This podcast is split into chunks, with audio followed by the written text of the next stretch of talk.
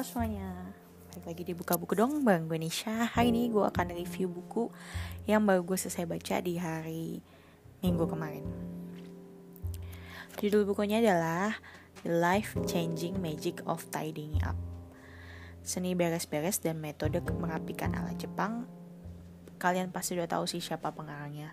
Yap, Marie Kondo. Jadi Marie Kondo ini emang terkenal banget uh, sebagai duta beres-beres dari Jepang. Dan bahkan uh, metodenya ini kayak udah punya namanya gitu loh namanya KonMari singkatan dari uh, namanya dia sendiri Marie Kondo. Nah apa sih yang membuat uh, gue tertarik untuk baca buku ini? Ini sebenarnya beberapa teman gue banyak sih yang rekomendasiin buku ini.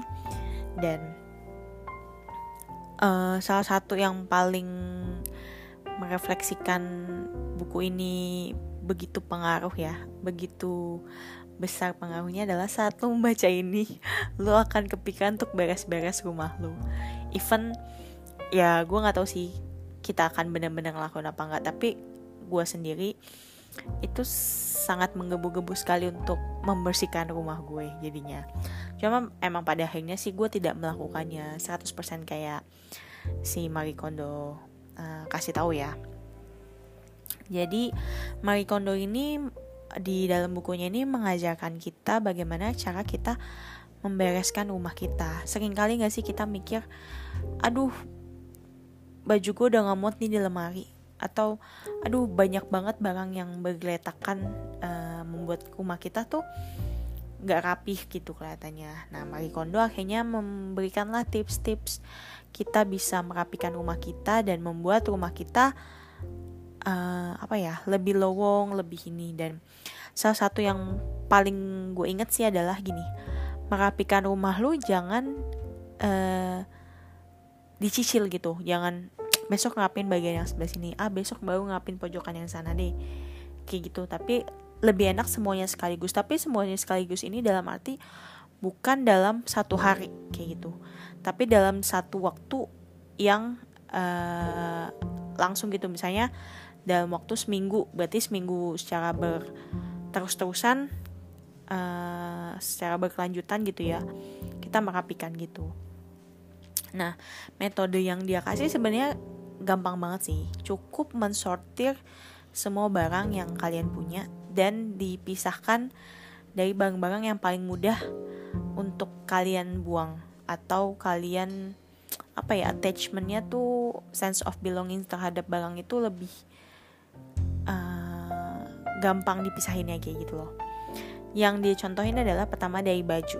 Paling gampang baju kenapa? Karena baju pasti ada kayak uh, ah udah nggak muat nih kayak gitu jadi ada apa ya ada pilihan untuk membuangnya gitu. Daripada untuk misalnya kalian ngelihat kayak album-album atau kenangan uh, barang-barang kenangan kalian gitu itu lebih lama. Karena pasti kalian ah punya apa ya punya rasa keterikatan dan rasa sayang gitu loh terhadap barang itu. Makanya Marie Kondo selalu menyarankan dimulai dari baju dulu. Kayak gitu sih sebenarnya inti yang buku yang gue cerita ah yang gue cerita lagi yang gue baca dari si Marie Kondo tulis ini kayak gitu. Dan Marie Kondo ini sudah berpengalaman mengurus uh, maksudnya bukan mengurus mempunyai klien-klien untuk diajarkan metode KonMari ini. Udah mungkin udah banyak ya. Dan bahkan dia cerita kalau dia sekali ke rumah orang dia bisa orang itu bisa membuang uh, berpuluh-puluh kantong sampah kayak gitulah saking uh, Marie Kondo ini mengajarkan sesuatu yang baru dan banyak sih yang menginspiring kita untuk mulai berbenah rumah kayak gitu. Nah si Marie Kondo ini paling gue inget lagi ya selain tadi dia bilang tentang merapikan semuanya di awal dari baju lalu kemudian ada urutannya beberapa jenis barang yang bisa kita sortir dia paling ini dengan ini. Jagalah barang yang membuat kalian tetap bahagia. Jadi kalian gak harus tentang hal yang ini masih layak pakai atau ini gak layak pakai tapi lebih kayak apakah barang ini membuat gue bahagia? Kayak gitu. Seringkali kan apalagi kita baju ya suka kayak ih sayang nih belum gue pakai misalnya. Tapi pada kenyataannya emang kita nggak pernah pakai dan kita nggak pernah cocok misalnya sama baju itu tapi coba tanya apakah barang baju ini mendatangkan kebahagiaan buat kita? Mungkin kalau kita berpikir akhirnya tanpa ada ini pun gue bisa hidup dan gue merasa ini biasa aja nggak nggak mendatangkan bahagia dalam kehidupan gue gue akan lebih baik merelakannya untuk dibuang kayak gitu. Ini sih satu poin penting kenapa kadang kita kan jadi suka susah milih ya sortir barang itu. Tapi dengan ada satu kalimat pertanyaan yang apakah gue bahagia kalau gue punya ini? Membantu juga sih. Nah selain itu selain dia ngomongin tentang metode berbenah ya dia juga ngomongin tentang bagaimana kita uh, berterima kasih gitu loh kepada barang-barang. Misalnya uh, bilang sama baju kita thank you udah atas kerja kerasnya atas selama ini bisa menjadi pakaian gue segala macam itu menurut gue sebenarnya satu hal yang perlu gue cerna berkali-kali sih. Kenapa gue harus berterima kasih sama baju gue kayak gitu. Tapi sebenarnya ada benar sih. Maksud KonMari ini bukan terima kasih cara apa ya tapi lebih jadi bersyukur atas apa yang kita punya. Bersyukur untuk apa yang sudah disediakan. Tapi menurut gue rasa syukur dan rasa ungkapan terima kasihnya ini bukan kepada barangnya loh. Barangnya itu kan benda mati ya teman-teman. Ini sedikit melenceng tapi menurut gue kalau ya gue sih pas gue baca ini gue punya pemikiran sendiri gitu. Kenapa gue harus berterima kasih kepada benda mati? Benda mati kan ya hanya benda yang gak perlu kita hidup.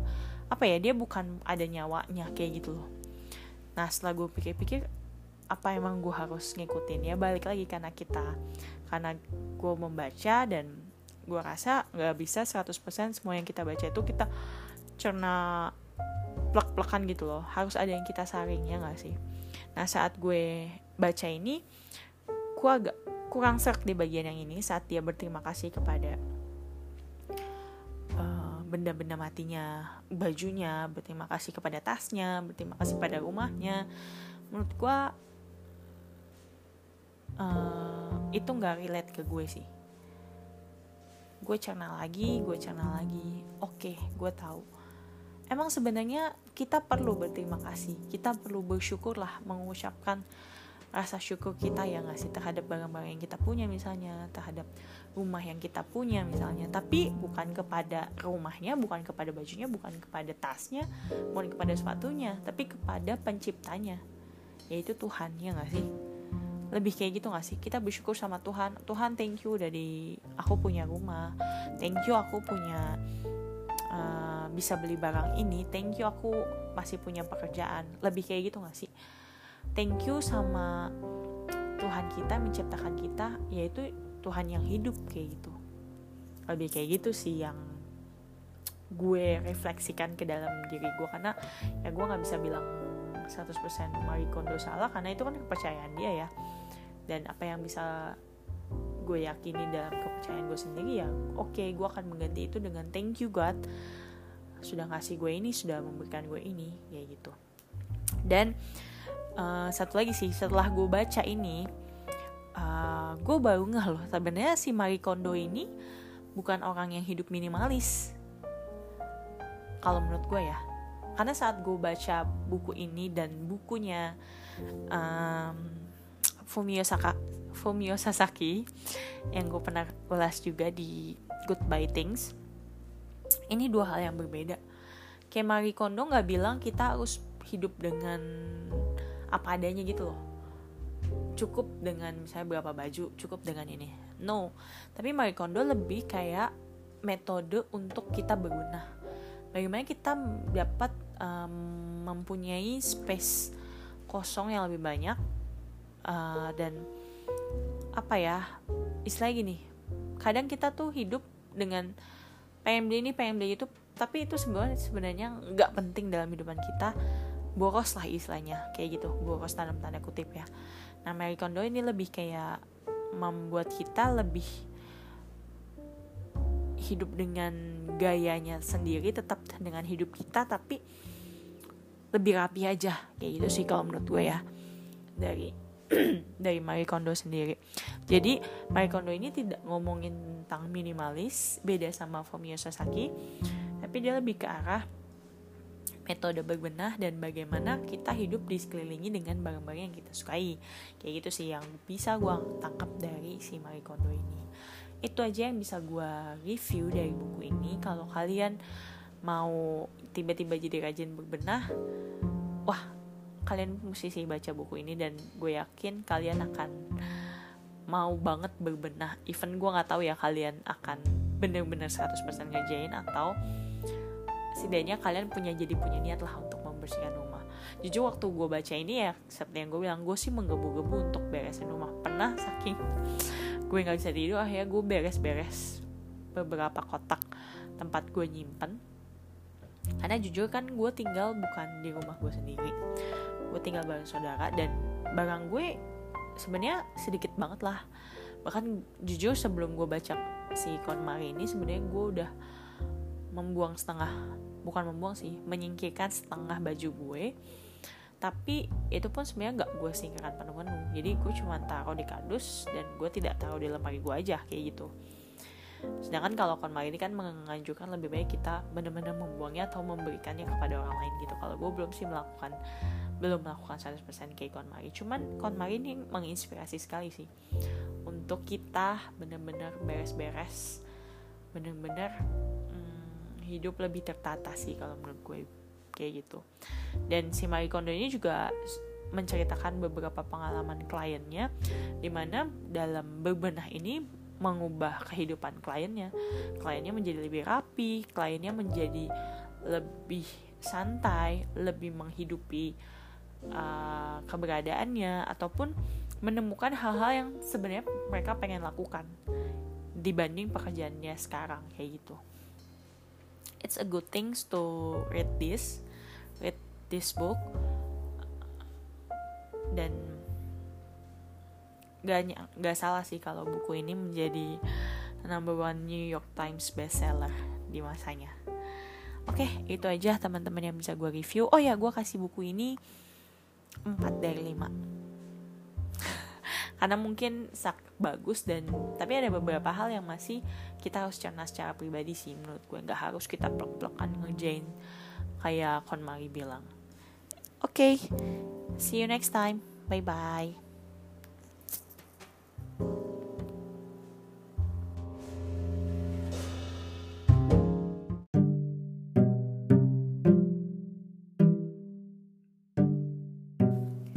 Halo semuanya, karena satu dan lain hal gue lupa untuk nge-share um,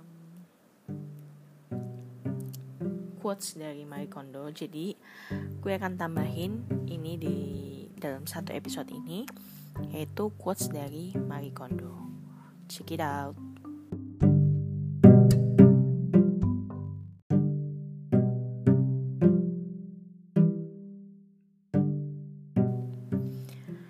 Keteraturan amat sangat bergantung pada nilai personal yang dijunjung seseorang, pada apa-apa saja yang bermakna baginya sebagai seorang pribadi.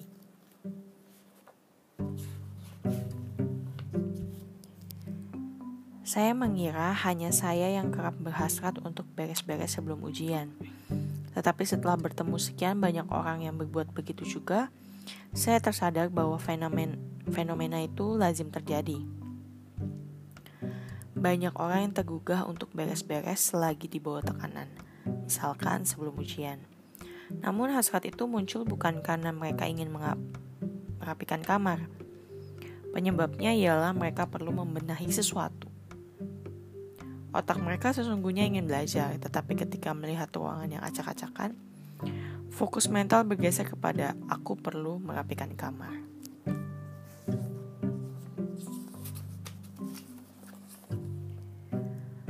Berbenah adalah sarana, bukan tujuan akhir. Tujuan sejati kita adalah merumuskan gaya hidup yang betul-betul kita inginkan begitu rumah kita sudah rapi dan teratur.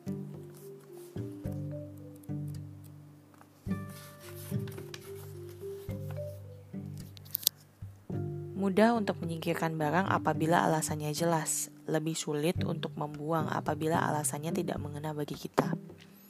Namun begitu Anda mulai memfokuskan perhatian pada cara memilih barang yang harus dibuang, Anda sejatinya sudah menyimpang dari tujuan.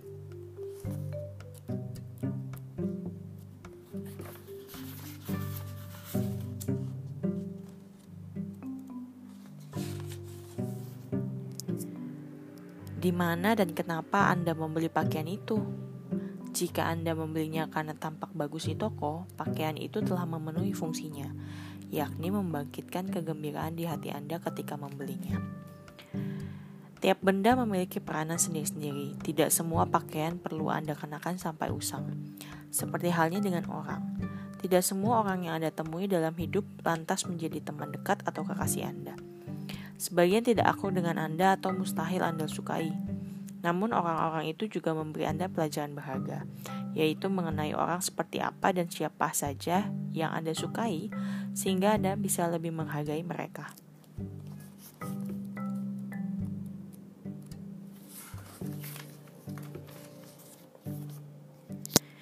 Siapa tahu saya ingin membacanya kapan-kapan. Berdasarkan pengalaman pribadi, saya mesti memberitahukan bahwa yang namanya kapan-kapan tak akan pernah datang. Kali pertama menjumpai sebuah buku adalah saat yang paling tepat untuk membacanya. Supaya tidak melewatkan momen tersebut, saya merekomendasikan Anda agar tidak mengoleksi buku terlalu banyak.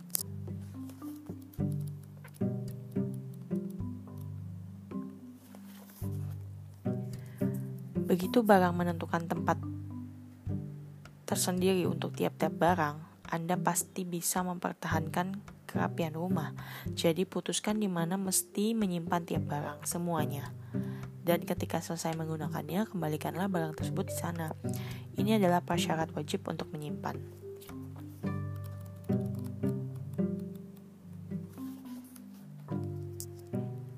Ingat-ingatlah kembali masa sekolah Anda dan hal-hal yang gemar Anda lakukan.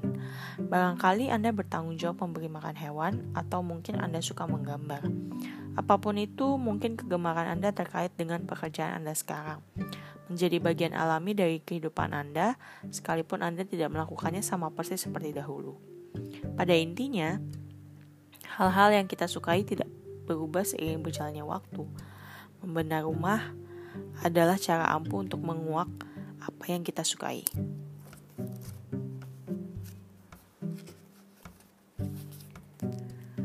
Walaupun saya memenuhi seisi buku ini dengan berbicara mengenai serba-serbi berbenah, kegiatan berbenah sesungguhnya tidak wajib. Anda takkan mati kalaupun rumah Anda tidak rapi dan banyak orang di dunia ini yang tidak peduli kalaupun rumah mereka tidak tertata rapi. Walaupun begitu, orang-orang seperti itu tentu tidak akan membuka buku ini. Sebaliknya, takdir telah mengantarkan Anda untuk membaca buku ini dan artinya Anda mungkin memiliki hasrat membara untuk merubah situasi Anda yang sekarang. Untuk membuka lembaran baru dalam hidup, untuk memperbaiki gaya hidup Anda, untuk meraih kebahagiaan, untuk menjadi lebih bersinar.